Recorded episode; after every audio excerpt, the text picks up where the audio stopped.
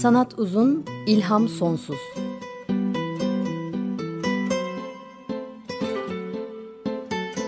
Sanat üzerine psikolojik sohbetler.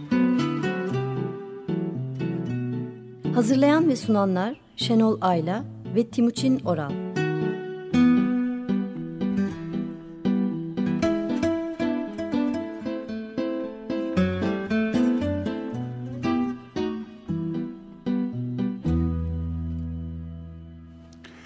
Günaydın. 94.9 Açık Radyo'da Sanat Uzun İlham Sonsuz programındayız. Ben Timuçin Oral.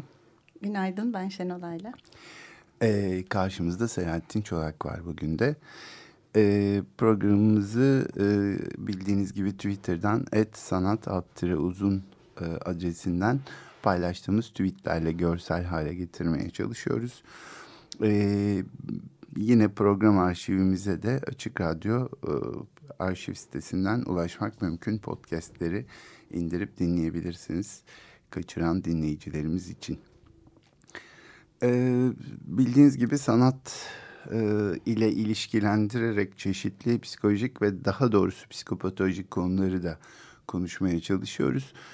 Bugün de e, daha çok kıskançlık üzerinde duracağımızı söylemiştik. Tabii kıskançlık dediğimiz zaman sadece kıskançlığı değil haseti de konuşmak zorundayız. Ee, biraz bunların derinliklerine de gireriz. Haset, kıskançlık, imrenme gibi. Evet çünkü sanatta bir sürü görünümü var. E, edebiyatta, resimde, evet. tiyatroda. Ve hepsi de çok renkli, güzel konular. İçeriden dışarıdan evet bir yerden başlamak lazım. Mesela adında kıskançlık olan eser varsa öyle başlayalım. Öyle başladık. August Strindberg'in Kıskançlık Gecesi e, adlı tablosunu tweette de görebileceksiniz şimdi. E, 1893 tarihli e, bir tablo. Johann August Strindberg İsveçli oyun yazarı, şair, romancı, ressam birçok özelliği daha var. Bunlar en bilinenleri. Çok verimli bir yazar. 60'tan fazla oyunu, 30 tane de romanı var. E, modern İsveç edebiyatının babası sayılıyor. Bir sürü yenilikler getirmiş. E, edebiyata da, tiyatroya da. Hmm, hatta demin bahsediyordum tiyatroya getirdiği bir yeniliği uzun ıı, satırlarca okudum birkaç kere ama anlayamadım. Çok özel bir şey getirmiş. Karakterlerin e, çiftleşmesi yani ikileşmesi e, birbirine e, ayrışması, ayrışması birleş... birleşmesi, çoğalması gibi bir sürü şeyden bahsediyor. Çok hakim olamadım e, o noktaya. Üst düzey bir soyutlama yapmış gibi görünüyor. Yani Tiyatroda değil mi? soyut. Öyle olduğu için de hem dışa vurunca hem e, galiba e, sürrealist e, de sayılabilir. E, ama tabii Strindberg galiba bir şeyi de var. Hmm, psikotik atakları da olan bir e, kişi. Evet bir dönem e, iki yıl boyunca bir ataklar geçirdiğini yazıyorlar. Tam ne olduğunu bilmiyoruz. Bu resmi çok önemli aslında. Çok güzel anlatıyor kıskançlığı. Yaşayan herkesin bileceği gibi yaşamayan da yoktur sanıyorum kıskançlığı. E, duygularını anlatmış ama arkasına şöyle de bir not yazmış. E, bunun kıskançlık olduğunu ilk bakışta anlayamayacaktık yoksa muhtemelen bu tablonun. Şöyle yazıyor. Sanatçıdan parantez içinde simgeci ressam August Strindberg parantezi kapa Bayan Frida Uğla. Resim denizi parantez sağ altta. Bulutları parantez yukarıda. Bir ardıç çalısını parantez sol üstte gösteriyor. Ve bir kıskançlık gecesini anlatıyor. Hmm, bu notu gördüğümüzde tablonun adının kıskançlık gecesi olduğunu bir gece boyunda yaşadığı bir kıskançlığı anlatıyor muhtemelen. Ama tabii soyut ee, işte dışa vurumculuğu da orada herhalde. Hani bakınca kıskançlığı düşündürtür hiçbir şey yok. Öte yandan e, hani bu kadar çok soyutlayan bir insan niye tablonun arkasında uzun uzun tablonun ne olduğunu yazmış? Niye bu kadar somutlama ihtiyacı göstermiş? çok güzel. Ee, Sağdaki evet. çalı, yukarıdaki bulut çok Gibi. hoşuma gitti evet.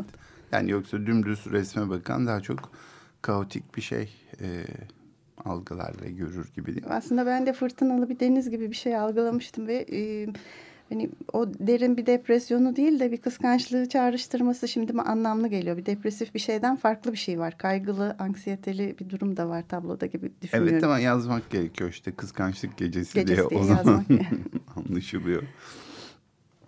Zaten e, faydalandığımız bazı konularda destek aldığımız bir kitap var. Edebiyatta, sanatta ve popüler kültürde kıskançlık Peter Tuhi'nin Doğan kitaptan çıkan. Orada bu resimle ilgili şöyle diyor. Şiddetli kıskançlığın pençesine düşmüş pek çok kişi duyguların gerçekten de bu resmi andırdığını söyleyebilir. Strindberg kıskançlığın hissettirdiği karmaşayı, kaygı ve acıyı tuvale dökmekte başarılı olmuş. Ancak bu soyut kıskançlık betimlemesi herhangi bir güçlü duyguyu anlatıyor olamaz mı?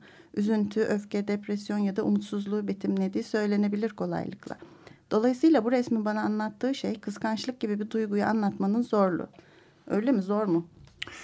E, yani kıskançlık çok öznel bir şey ve tabii tek başına kıskançlık olarak da yaşanmıyor muhtemelen. Yani burada kıskançlığı anlatırken e, Strindberg yaşadığı başka e, şeyleri de anlatıyor muhtemelen. E, bir, bir başka illüstrasyon da var değil mi? Evet şimdi tweetliyorum ben de. E, e, bu e, Bowles'un 1800 tarihli Passion of the Soul e, adlı kitabı için e, yaptığı bir takım ifade ve illüstrasyonlar e, var burada. Kıskançlığı e, betimlediği de senin adında nefret ya da kıskançlık koymuş.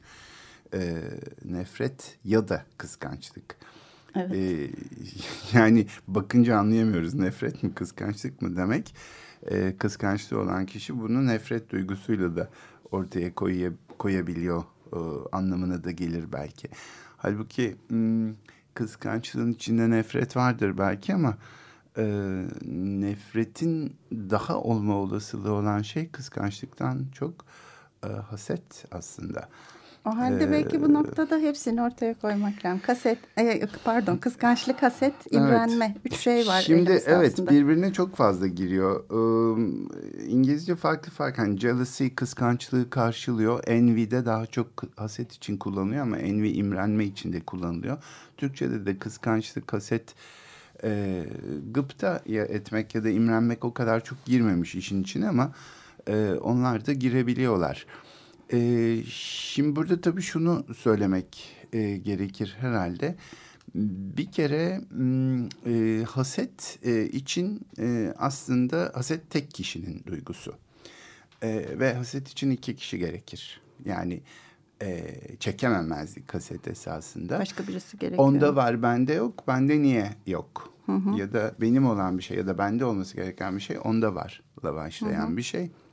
Bu tabii e, işte Melanie Klein'ın başkalarının da tabii ama o nesne ilişkileri kuramında en başında tarif ettiği bebeğin e, anneye, e, anne memesine hasetiyle başlayan e, ve işte e, bu uzun uzun şeye girmeyelim, kuramına girmeyelim hakikaten e, anlatılan bir şey.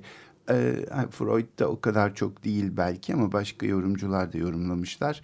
E, benlik e, self psikolojisiyle uğraşanlar e, hasete bu kadar çok vurgu yapmayıp belki onlar daha utanç üzerinden gitmişler ama sonuçta haset onda var, bende yok ve benim niye yok, benim de e, olmalı ya da onda da olmasın aslında. Bu Hı -hı. daha e, öfkeyi anlatan e, bir şey. E, kıskançlık ve biraz daha e, Freudian konuşacaksak Ödipal döneme de ait bir şey. Çünkü kıskançlık için iki kişi daha doğrusu üç kişi lazım. Hasette nasıl tek kişinin duygusu kıskançlıkta benim olanı bir başkasının alması ya da aslında benim olanı ya da benim olması gerekeni bir başkasının alma olasılığının bulunması. Benim olanı o aldı ben geri almalıyım. Burada da tabii ki nefret olabilir hasetteki kadar e, değilse de ama daha gelişkin bir duygu olduğunu nispeten hasete kıyasla söylemek mümkün. Ama tabii bunlar böyle kompartmanlar halinde değil. Ya biri ya öbürü evet. ya da biri birini evet. sırayla o olursa bu olmaz diye bir şey e, olmuyor.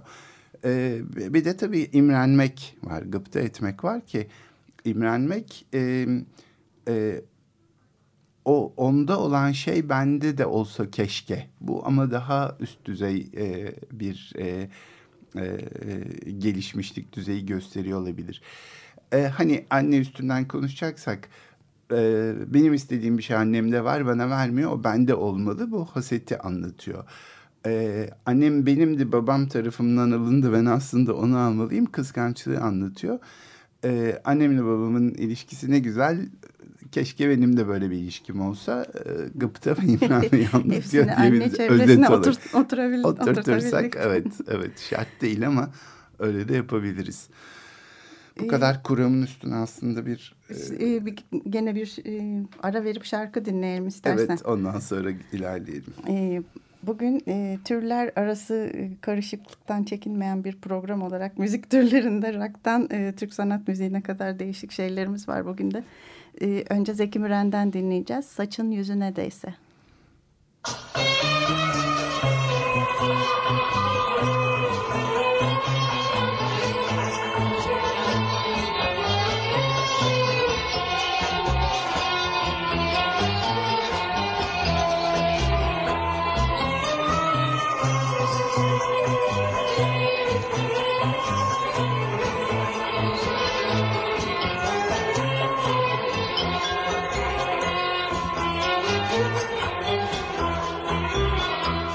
Saçın yüzüne değse Telini kıskanırım.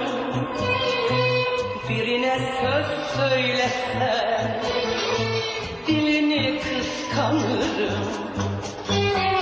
Saçın yüzüne değse Telini kıskanırım.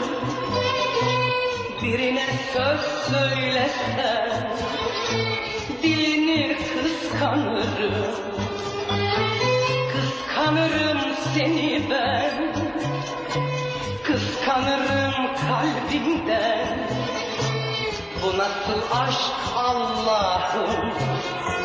Öleceğim derdimden. Kıskanırım seni ben. Kıskanırım kalbimden Bu nasıl aşk Öleceğim derdimden.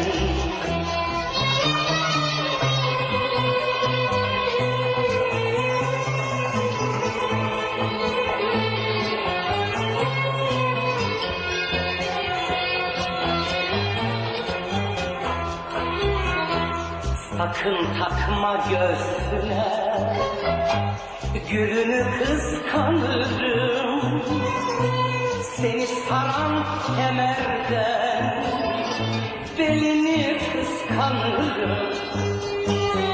Sakın takma göğsüne Gülünü kıskanırım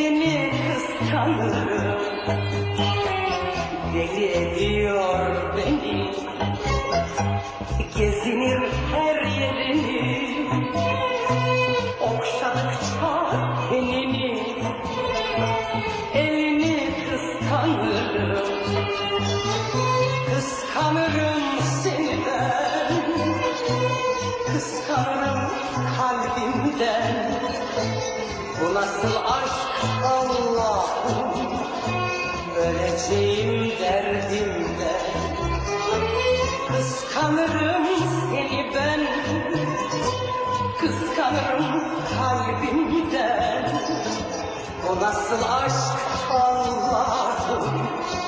Öleceğim derdimden Öleceğim derdimden Öleceğim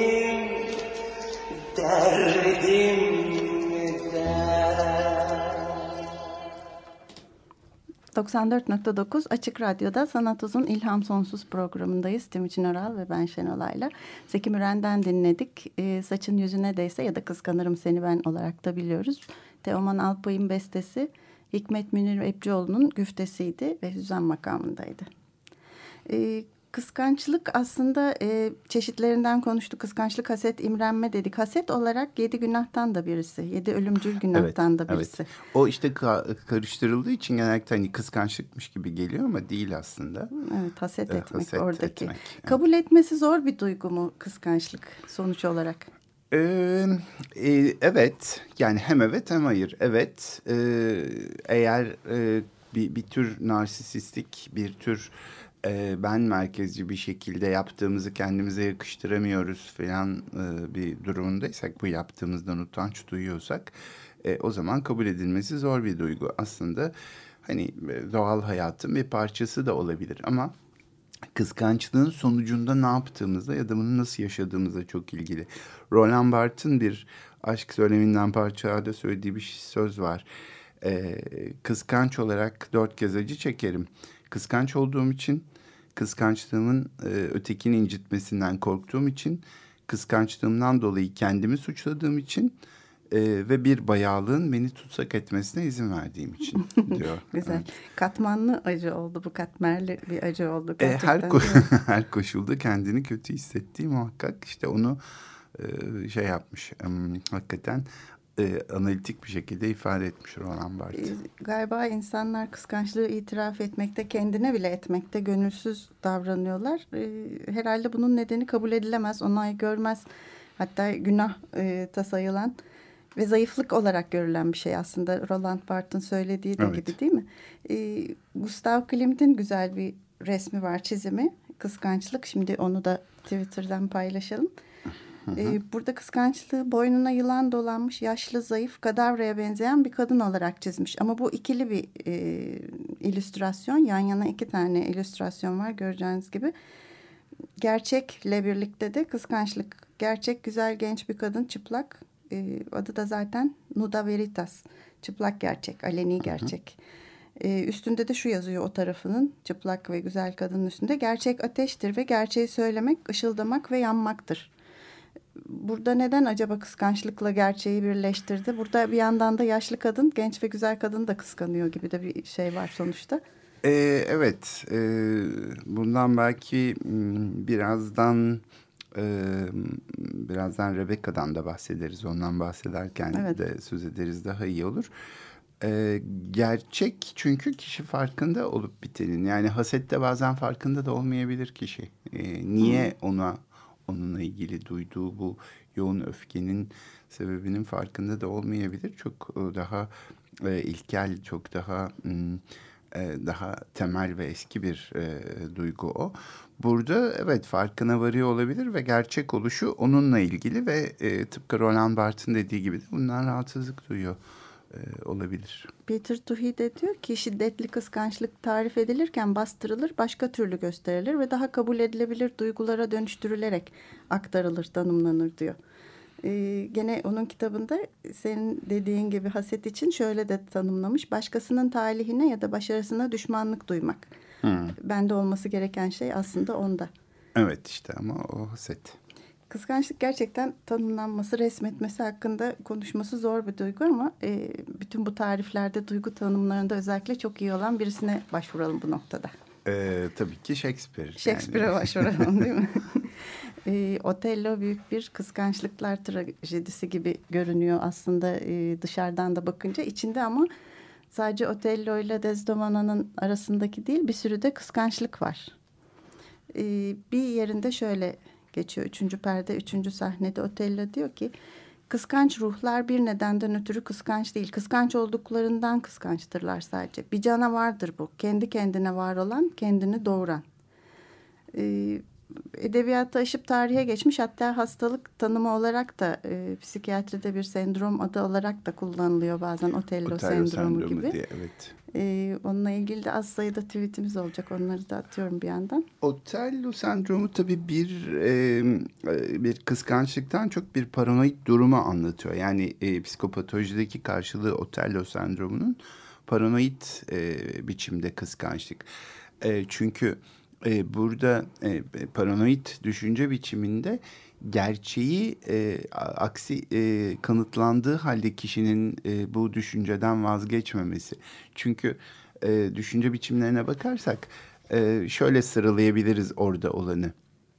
E, bu düşünce biçimi bana yabancı bir düşünce biçimi değil. Yani hani zorla kafama sokulmuş bir düşünce biçimi değil. Obsesyonda ya da zihinsel meşguliyette olduğu gibi. E, bana ait bir düşünce. Bu bana ait düşünce başlangıçta e, e, aşırı değerlendirilmiş düşünce biçiminde olabilir. Hepimizin aşırı değerlendirilmiş düşünceleri vardır. Hani bu, o düşünceyi biraz daha fazla önemser, benimser. Buna da inanırız hakikaten. Fakat burada patolojik bir şey yok. Bunun bir adım ötesi fanatizm. Fanatizm de artık o düşünceyi benimsemekte kalmaz. Onun savunuculuğunu da şiddetli bir şekilde yaparız. Hala patolojik bir şey yok. Ama bunun bir adım ötesi artık hezeyan. Yani gerçek olmadığı gösterildiği, kanıtlandığı halde kişinin bu düşünceye inanmaya, bunu savunmaya devam etmesi ve başka bir gerçekliği reddetmesi, tartışmayı dahi reddetmesi. Evet. Otello sendromundaki tablo hani kıskançlık aşırı değerlendirilmiş düşünce biçiminde olduğunda ya da fanatizm boyutuna vardığında bir sorun olmaya da bilir hala. Eş için sorun olur da e, hani toplum açısından ama artık paranoid bir hal aldığında kişi e, bundan kesinlikle emindir. Nitekim Otello da işini öldürür. Evet, e, çok kısaca söylersek burada birkaç kıskançlık var çünkü. Otello Venedik aristokrasi tarafından çok beğenilen, saygı gören bir savaşçı. E, görev olarak da Kıbrıs'a gönderiliyor, ordu komutanlığına atanıyor. Ona aşık olan Desdemona ile de evlenip Kıbrıs'a geliyorlar. E, bir yandan da Iago karakteri var. Orada zaten Otello'nun paranoyasını oluşturup besleyen, kıskançlığa düşüren karakterde Iago. Çünkü Iago hem Otello'yu hem Cassio'yu kıskanıyor. Cassio'yu kıskanıyor bu haset aslında. Hı hı. E, çünkü Casio hakkında e, kendisinin hakkı olan yüzbaşılığa onun getirildiğini düşünüyor. Evet. Casio yüzbaşı oluyor ama Iago hala e, çavuş olarak devam ediyor askeri hayatına. Ve hayatında beni çirkinleştiren gündelik bir güzellik vardı diye Casio hakkında hani her şeyini kıskan, haset e, duyduğunu belirtiyor. Ve türlü e, kumpaslarla Otello'yu e, Cassio ile Desdemona'nın ilişkisi olduğuna inandırıyor. E, Melankolinin Anatomisi adlı kitabında Robert Burton şöyle diyor. Üç şey kıskançlık yaratır. Güç, zengin bir hazine ve güzel bir eş. Burada aslında Iago tarafından bakınca Otello'nun kıskanılmak için her şeyi var. Güçlü e, komutan, zengin zaten bu nedenle ve Desdemona'ya da sahip. E, sonuçta da Desdemona'nın onu aldattığını ima ederek Otello'yu şüpheye düşürüyor ve bir yerinde de bu daha sonra da çok kullanılan bir terim olduğu için okumak istiyorum. Şöyle diyor kıskançlığı tarif ederken.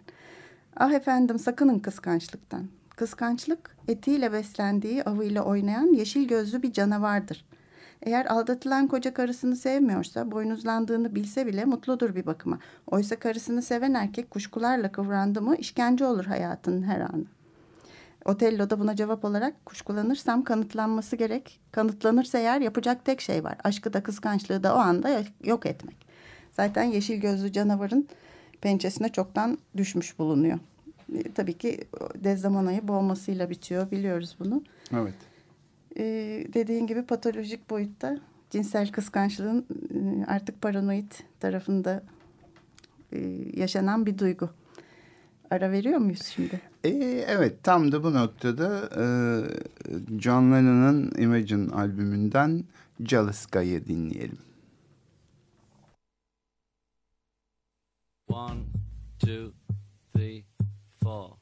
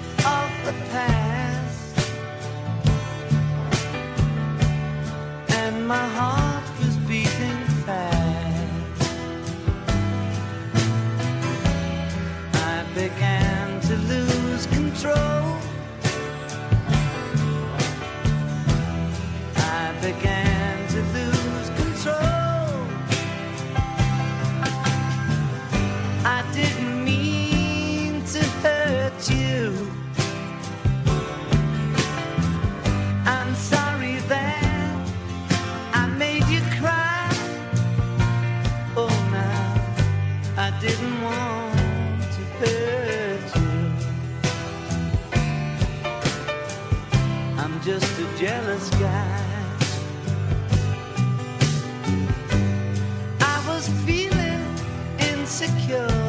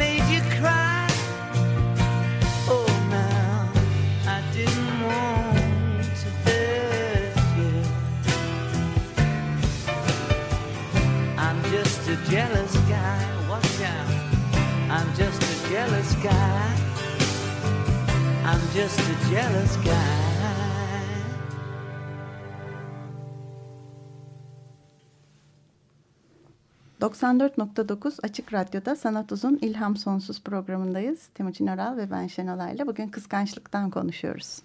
Evet, e, az evvel de e, Jealous Guy'ı dinledik. E, Imagine albümünde yer almıştı John Lennon'a ilk kez ama biz Antoloji'deki, John Lennon Antoloji'deki e, daha yeni bir kaydını dinledik. E, şimdi kıskançlık e, için e, mutlaka bir e, tehditkar rakip algısı var. E, gerçek bir rakip olması gerekmiyor bu. Bazen gerçek de olabiliyor. Ama rakip olma olasılığı bile e, ne bileyim bir bakış, bir e, cep telefonu mesajı, bir mail kimi zaman e, bir hissiyat e, eğer patolojik değilse çünkü patolojik olanlarda e, hani perde kıpırdadığı evde kimse olmadığı haldeye kadar gidebilir iş ama ondan bahsetmiyorum tabii var olan olma olasılığı gerçekten olan e, durumlardan da bahsediyorum e, gerçek bir kayıp ya da kaybetme korkusu e, yaratıyor e, kıskançlığı. Yani gerçek bir e, kişi olması şart değil. Onu üçüncü bir kişi olduğunun hayali olasılığı bile kıskançlık Evet. yaratabiliyor. Evet hatta buradan az evvel sözünü ettim. E, Rebecca'ya gidelim istersen. Biraz Rebecca'dan bahsedelim. Alfred Hitchcock'un meşhur filmi güzel, Rebecca. e, çok güzel film. Tekrar seyrettim. Ben de az önce onu diyordum. E, Bir hatırlayayım diye başladım. Sonuna kadar heyecanla seyrettim. Siyah beyaz çok güzel bir film. E, Işık ve gölgelerle de yaşanan duygusal durumları çok güzel anlatmış. E, İnternette de var seyret edilmesi çok e, iyi oluyor tavsiye ediyorum. 1940 yapımı e, Hitchcock'un bu filmi İngiliz yazar Daphne du Maurier'in 1938 tarihli romanından uyarlanmış. 11 dalda Oscar adayı olmuş. iki tanesini almış en iyi film ve en iyi gören, görüntü e, olmak üzere. Romanın kısaca şeyine bakarsak romanın ve filmin konusuna hı hı. kahramanı Bayan de Winter John Fontaine oynuyor. Aynı zamanda hikayenin de anlatıcısı e, Monte Carlo'da zengin ve yaşlı bir kadının ücretli arkadaşlığını yaparken genç bir kadın ve işsiz ve başka bir dayanağı olmayan bir kadınken zengin ve ünlü Maxim'le Laurence Olivier ile tanışıyor. Maxim'in ilk eşi Rebecca yakın bir zamanda ölmüştür. Bu durumda Maxim'i yıkmış perişan bir durumda. E, Maxim'in evlenme teklifini kabul edip onunla evleniyor. Ve Maxim'in İngiltere kırsalındaki büyük e, malikanesi Manderley'e gelin gidiyor. Hmm, ikinci ev sahibesi olarak gidiyor buraya. ikinci gelin olarak. Bu önemli. E, fakat bu arada Manderley bizim daha önce... İkinci derken önceki yok artık. Önceki yok. ikinci derken tabii evet o ölmüş Rebecca. Ama romanın ve filmin de adı Rebecca. Rebecca. E, Manderley'de bu malikane gayet tekinsiz. Bizim daha önce konuştuğumuz tekinsiz Hı -hı. mekanlara iyi bir örnek. Büyük bir arazi içinde devasa bir konak, çok yüksek tavanlı, sayısız boş odası var. Ateşin yanmadığı soğuk odaları var. Fırtınalı denize bakan, hiç kullanılmayan bir bölümü var. Orada ne oluyor çok bilmiyoruz. Bunlar hep metafor ve çok güzel metaforlar film boyunca. Belirsizliğin ve kuşkunun e, evet. olduğu metaforlar. E, güvensiz hissettiriyor. Daha kötüsü de şudur ki durumdan e, bu Manderley'in kötü tarafı bir, bir de şu. Maxim'in ilk eşi Rebecca'ya ait her şey konakta aynen korunmuş. Odasına dokunulmamış, hiç girilmiyor. Yemek takımlarında baş harfi R işlenmiş. E, onlar kullanılıyor hala. Ee, sevdiği kurallar geçerli. Nereye çiçek konacak, hangi odada e, şömine yanacak gibi. Bitmemiş bir yas aslında. Ve başta evin kahyası Bayan Danvers olmak üzere herkes Rebecca'ya hayran ve e, ne zaman lafı geçse hatta geçmesine gerek yok. Durup dururken Rebecca şöyle harikaydı, böyle güzeldi, çok akıllıydı. Çok bilgili, neşeli, becerikli, eşsiz, sayısız, sınırsız sıfatlarla anlatıyorlar. Bu arada... Ama asla öyle değil. Ee, evet spoiler. Sonra ortaya çıkacak şeyler var. Bizim e, ikinci gelinimiz de e, kimsesiz yoksul kendisine güvenmeyen alçak gönüllü olmak dışında da pek bir özelliği olmayan çok da eğitimli olmayan sadece sevgi dolu e, böyle sevgi kelebeği bir kız. E, ve Rebecca ile kıyaslanmak e, onu kendisini kıyaslıyor herkesten önce ve günlerini onu kıskanmakla geçiriyor. Çok mutsuz oluyor. Kendisi de itiraf ettiği gibi Rebecca ile rekabete girmem mümkün değil. Çünkü o canlı bile değil diyor. Ve çok e, korku unsuru olarak evin içinde Rebecca duruyor. E, burada da birçok kıskançlık var. Dediğin gibi yası koruyan bir kahya var. O da yeni hanımı kıskanıyor. Manderley'i kıskanıyor. Bu Malikan'de tekrar bir gelin olmasından hoşnut değil. Daha sonra Maxim'in yani koca Laurence Olivier'in de kıskançlıklar yaşadığını öğreniyoruz geçmişe dönük. Çok sonuna kadar anlatmayayım. Güzel bir film çünkü ve heyecanlı. Birçok kıskançlık oluyor. Önemli bir şey şu bu filmin ve daha doğrusu romanın Daphne du Maurier'in romanıydı demiştik. Adı Rebecca içinde de anlatıcı kişinin ben diye anlatıyor ama hiçbir zaman adı geçmiyor. Edebiyat tarihinde adı olmayan az sayıda kahramandan biri diyorlar e, araştırınca da. Hatta jenerikte bile yok. Jenerikte bile yok. Film evet. bittikten sonra ikinci Bayan de Winter olarak geçiyor. Yani evet. aslında kızcağızın kıskanmak için her şey yapılıyor. Kıskandırmak için. Ee, onun adını bile bilmiyoruz. Bazı yerlerde spekülasyonlar var. Adı Daphne miydi bir yerde geçiyor muydu falan değil mi? Sonuçta hiçbirini bilmiyoruz. Gerçekten e, olmayan biri kıskanılabilir mi bu kadar eski bir eş? E, ya da eski bir sevgili. E, birinin hayali bir kayıp. Demin de dediğimiz gibi e, yerine konmayacak bir varlığın kıskançlanılması söz konusu burada da. E, evet aslında burada birkaç hakikaten e, şey var. Filmin daha detayını konuşuyor olsaydık onları da söylerdik ama belki burada bu kadının adı yok durumu esasında tam olarak. Evet. Bu kadının adı yok çünkü. Ee, Gerçekten resmen yok. Yok, evet. E, yani hem e, metaforik olarak hem gerçekte yok. Bu, bu tabii e, kahya kadının haseti esasında. Kahya kadının e, muhtemelen isteği e, şatonun e, efendisine sahip olmak aslında bakarsak. e, öyle olmalı. E, bunu da çeşitli yollarla kullanıyor. Ama tabii bu Rebecca sendromu diye de bahsedilen bir şey. Rebecca sendromu diye bir şey yok esasında da ama bir e, e, sanırım İngiliz e, psikanalist e, Dorian Leather diye birisi bir zaman bir şeyi tarif etmiş. Rebecca sendromu diye. Rebecca sendromu diye tarif edilen şey de olmayan, daha önce yaşamış birisinin e, ilişkinin içinde var olduğunun e, kaygısı ya da var gölgesinin sürekli var olması diyebiliriz. Bu bazen eski bir eş olabiliyor. Eski eşin gölgesinin sürekli var olması. E, ama daha yaygın kültürde aslında e, erkeğin annesinin var olması. Hmm. Yani e, kaynananın var olması. Hatta Susan Shapiro diye bir yazarın bu, bu çok sayıda kadınlarla ilgili e, kitabı var. Onlardan bir tanesinin adı sanırım Gelin Kaynana e, gibi. Yani gelin kaynana sendromu gibi aslında öyle de denebilir. E, böyle bir şey de yok ama hani böyle de desek olur. E, dolayısıyla Rebecca sendromu diye bahsedilen şey e, bir başka kişinin gölgesinin e, sürekli var olması ve e, ilişkiyi etkiliyor olması. Dolayısıyla e, burada bu yeni ikinci Bayan de Winter'ın kıskançlığından çok ikinci Bayan de Winter'ın var olamaması meselesi.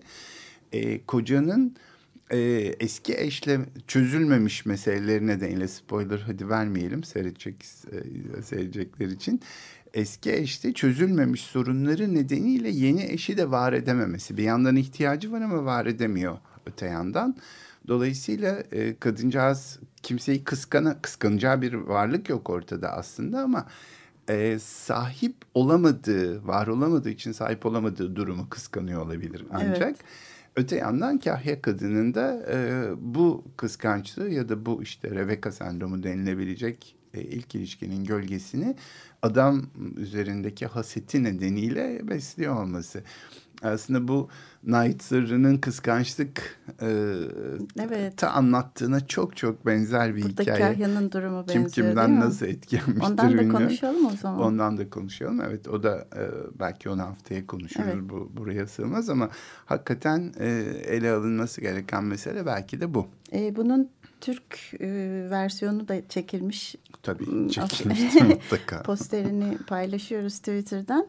Hülya Koçyiğit ve Cüneyt Arkın oynuyorlar. Rebecca'yı da, e, Rebecca'yı değil e, sanıyorum Kahya kadını Çolpan İlhan oynuyor.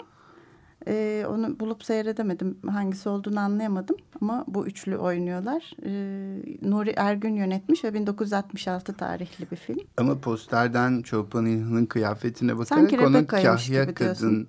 Öyle Kahya mi? Kadın. Kahya mı diyorsun? Sanki belki de bilmiyorum. Ee, burada güzel e, notlarında da yorumlarında da filmin okuyabildiğim kadarıyla Maxim'in orijinal filmde e, Rebecca'nın eski ilişkilerini öğrenip onlarla bir kıskançlık yaşıyor.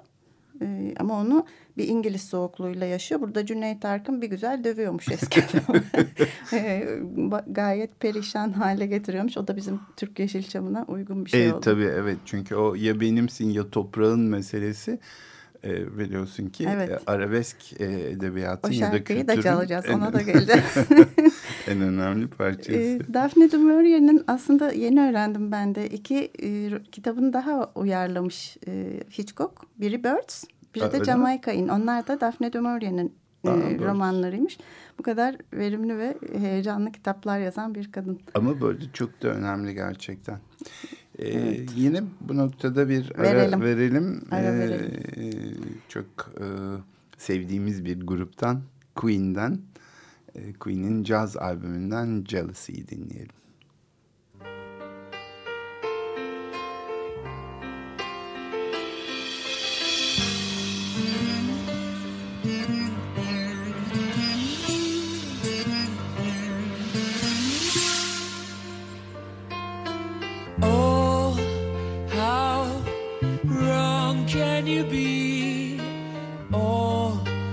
fall in love was my very first mistake. How was I to know I was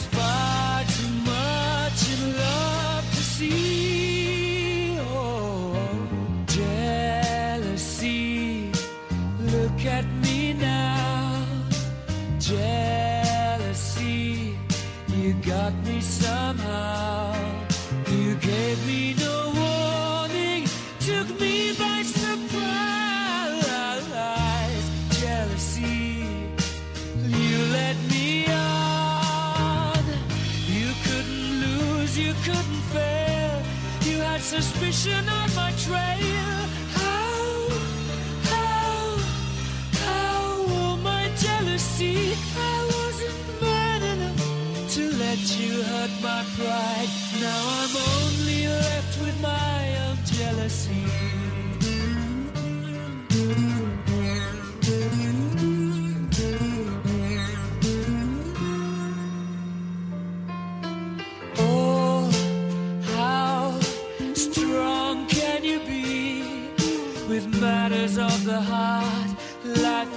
Much too short to while away with tears. If only you could see just what you do. Oh, jealousy. jealousy. You tripped me up. Jealousy. You brought me down. You bring me sorrow.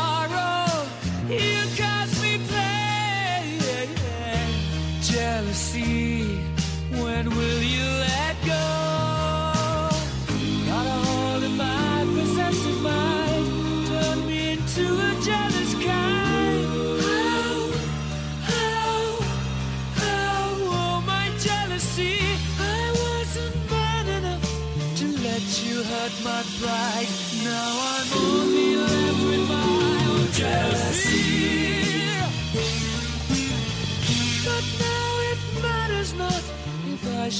Live or die. Cause I'm only left with my own jealousy.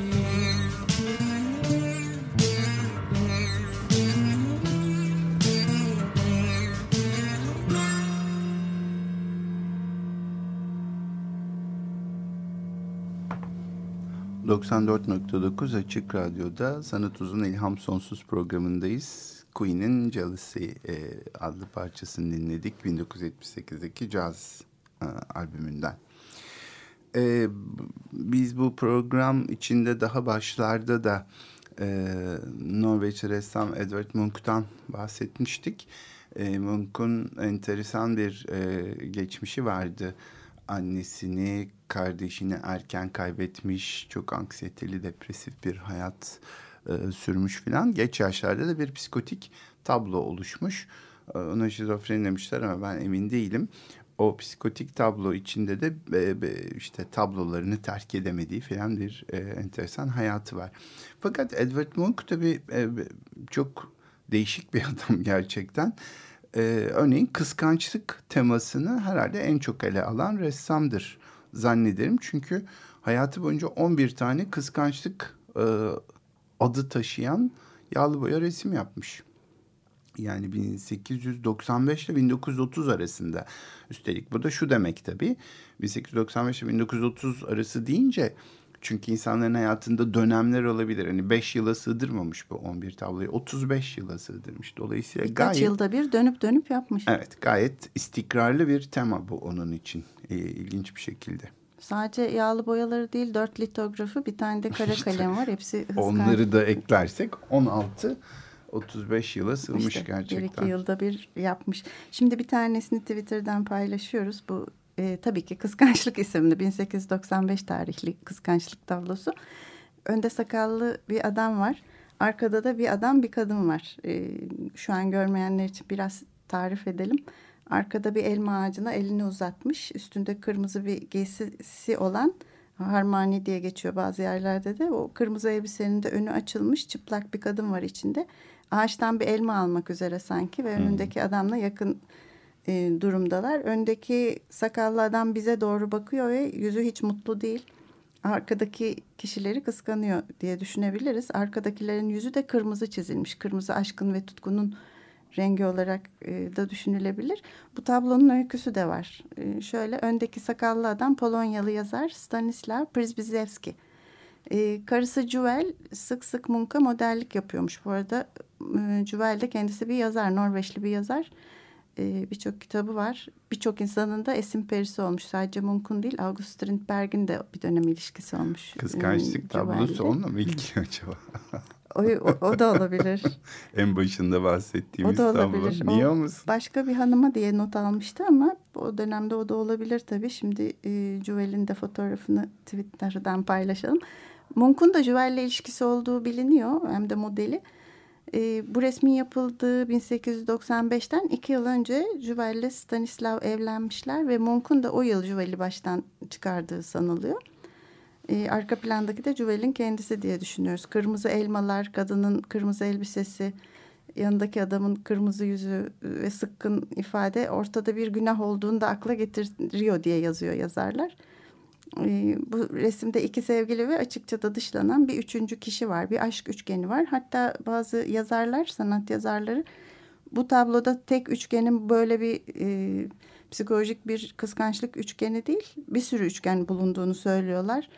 E, adamın çenesi, yazarın çenesi, bitkilerin bazılarının üçgen şekli, kadının kol altındaki üçgen şeklinde bitki gibi bir sürü yerde üçgen e, simgesini koydu diye düşünüyorlar. Kutsal kase. Hmm, evet. Şimdi burada tabii başka bir şey daha var. Adem'le Hava e, görüntüsü de var değil mi? Yani evet, bu, burada elmanın önünde. Evet ama burada Adem e, acaba arkadaki adam ve Juvel mi yoksa Adem aslında öndeki Juvel'in kocası olan ressam e, arkadaki onu baştan çıkaran şeytan mı? E, orası biraz karışık. Hmm, evet. Munk nasıl baktı acaba ona bilmiyorum. Munk kendisini şeytan olarak çizmemiştir herhalde. Değil mi? evet herhalde. Başka bir kıskançlık tablosu daha var. Şu anda e, Twitter'da paylaştığımız 1900 tablolu. Bu da havuzda kıskançlık ya da banyoda kıskançlık. Jealousy in the Butt e, diyor. Hmm. Burada öndeki gene benzeri bir tema. Önde adam var. Bize doğru bakıyor. Çok mutlu değil. Burada bu sefer yüzü de yeşil. Otello'da bahsettiğimiz belki yeşil gözlü canavarı burada ıı, simgeliyor gibi bir yandan da. Arkada da bir havuzun içinde çıplak bir kadınla bir adam var. Burada da bir kıskançlık görüyoruz. Diğer kıskançlık tablolarında peş peşe ıı, gönderiyoruz şimdi. Burada önde çizilen gene Stanislav'a benziyor. Evet Juvel'in sakallı kocasına, bir adam. sakalı tipi itibariyle. Ama Juvel e, işte Strindberg'le de ilişkisi olan e, birisi olduğunu düşünürsek e, acaba Stanislav'ın kimliğinde e, kendi kıskançlığını mı Munch anlatmaya çalışıyordu? Çünkü bu ikinci tabloda da yine kadının yüzü kırmızı. Öndeki ressam ki o yine Stanislav, öndeki şey e, görüntü. E, yine acaba Munch burada nerede? Sorusunu sordurtuyor doğrusu. Evet. Ee, diğerlerini de e, gönderdim. Hatta Bahçede Kıskançlık var. 1929 tarihli. Ee, bir tane daha var bu 1907 tarihliye çok benzeyen 1913 tarihli bir kıskançlık daha var. Gene kadının yüzü kırmızı, adamın birinin yeşil. Bu temayı e, güzel kullanmış. Aynı tabloyu mu çizmiş acaba iki kere? Çok benziyor çok, evet. E, siyah kara kalemleri de bazıları birbiriyle çok benziyor bu kıskançlıkta. Hani bir, bir belki de böyle bir takıntı gibi de çizmiş. Hani yeni bir şey arayışından çok o, o, o tabloyu çizmek istemiş gibi geliyor yeni bir hı hı. arayıştan çok. E, farklı bir kıskançlığımız daha var bugün aslında resimde. Şimdi e, Gauguin'den bahsedeceğiz. Ondan da daha önce bahsetmiştik. E, Gauguin'den de daha önce bahsetmiştik. Gauguin hem Van Gogh nedeniyle birazcık e, söz konusu ettiğimiz bir e, ona yakın olan e, ilişkisi nedeniyle hatta o konu dedikodu hala çok net değil.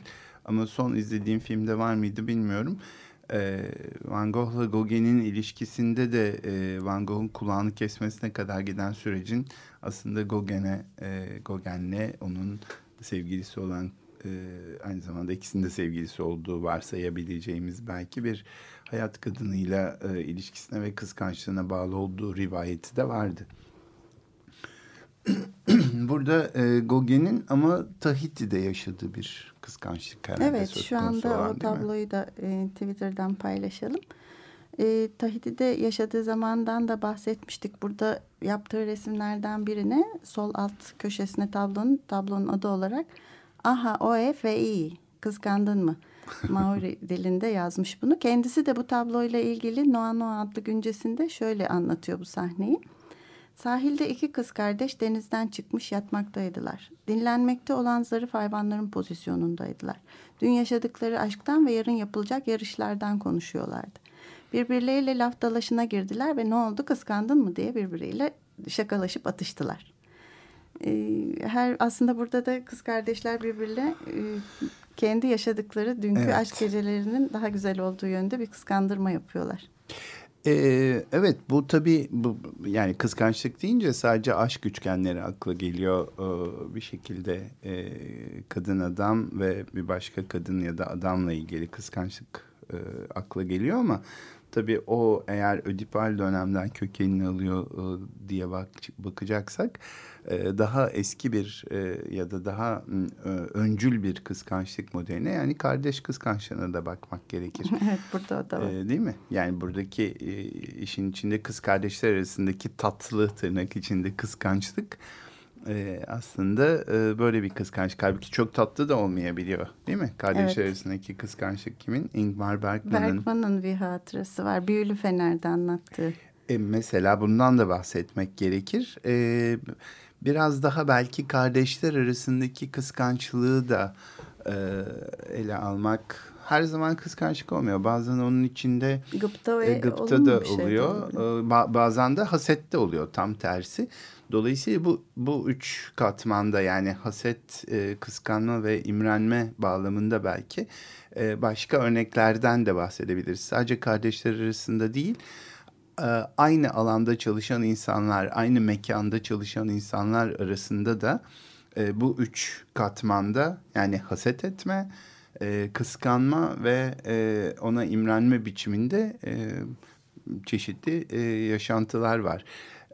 Bunların sanattaki iz düşümlerini belki konuşmaya devam edebiliriz. Evet çok not aldığım şey oldu aslında. O Bergman zaman haftaya. gibi evet bu hmm. Gıpta gibi. Ee, bu arada sen Van Gogh kulağı son günleri dediğinde BBC'de çok güzel bir belgesel evet, yeni evet, yayınlandı. Onun için sordum Bir iki sana hafta oldu. Ben şimdi onun da linkini gönderiyorum. Aslında bir sürü şey böyle açığa çıkıyor. Bizim bahsettiğimiz o kulağının aslında tamamını kesmiş belgesini hı hı. gidip araştırıp bulan e, böyle kişisel bir araştırmacı bir kurum değil. Meraklı bir e, tarihçi e, bir kadın.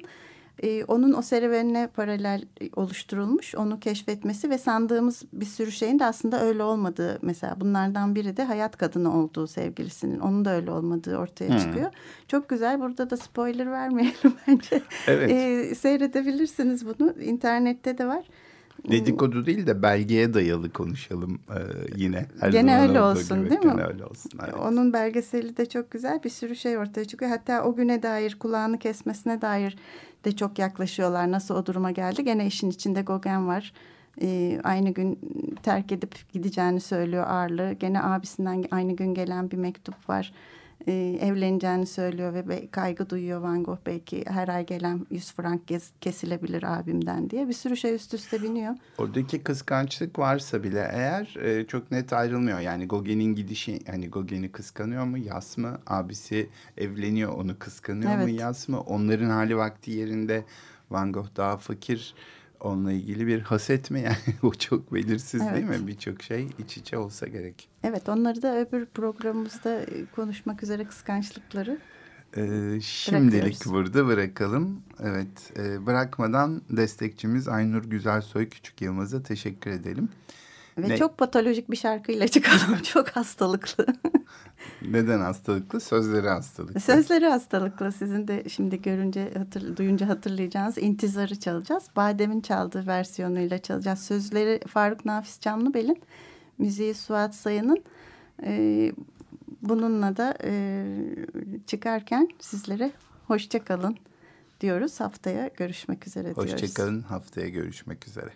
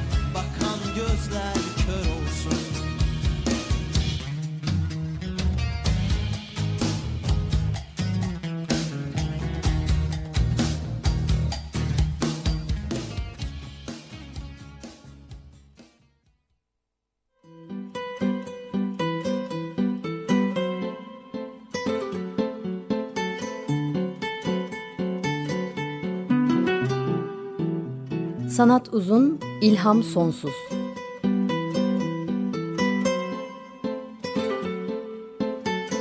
Sanat üzerine psikolojik sohbetler. Hazırlayan ve sunanlar Şenol Ayla ve Timuçin Oral.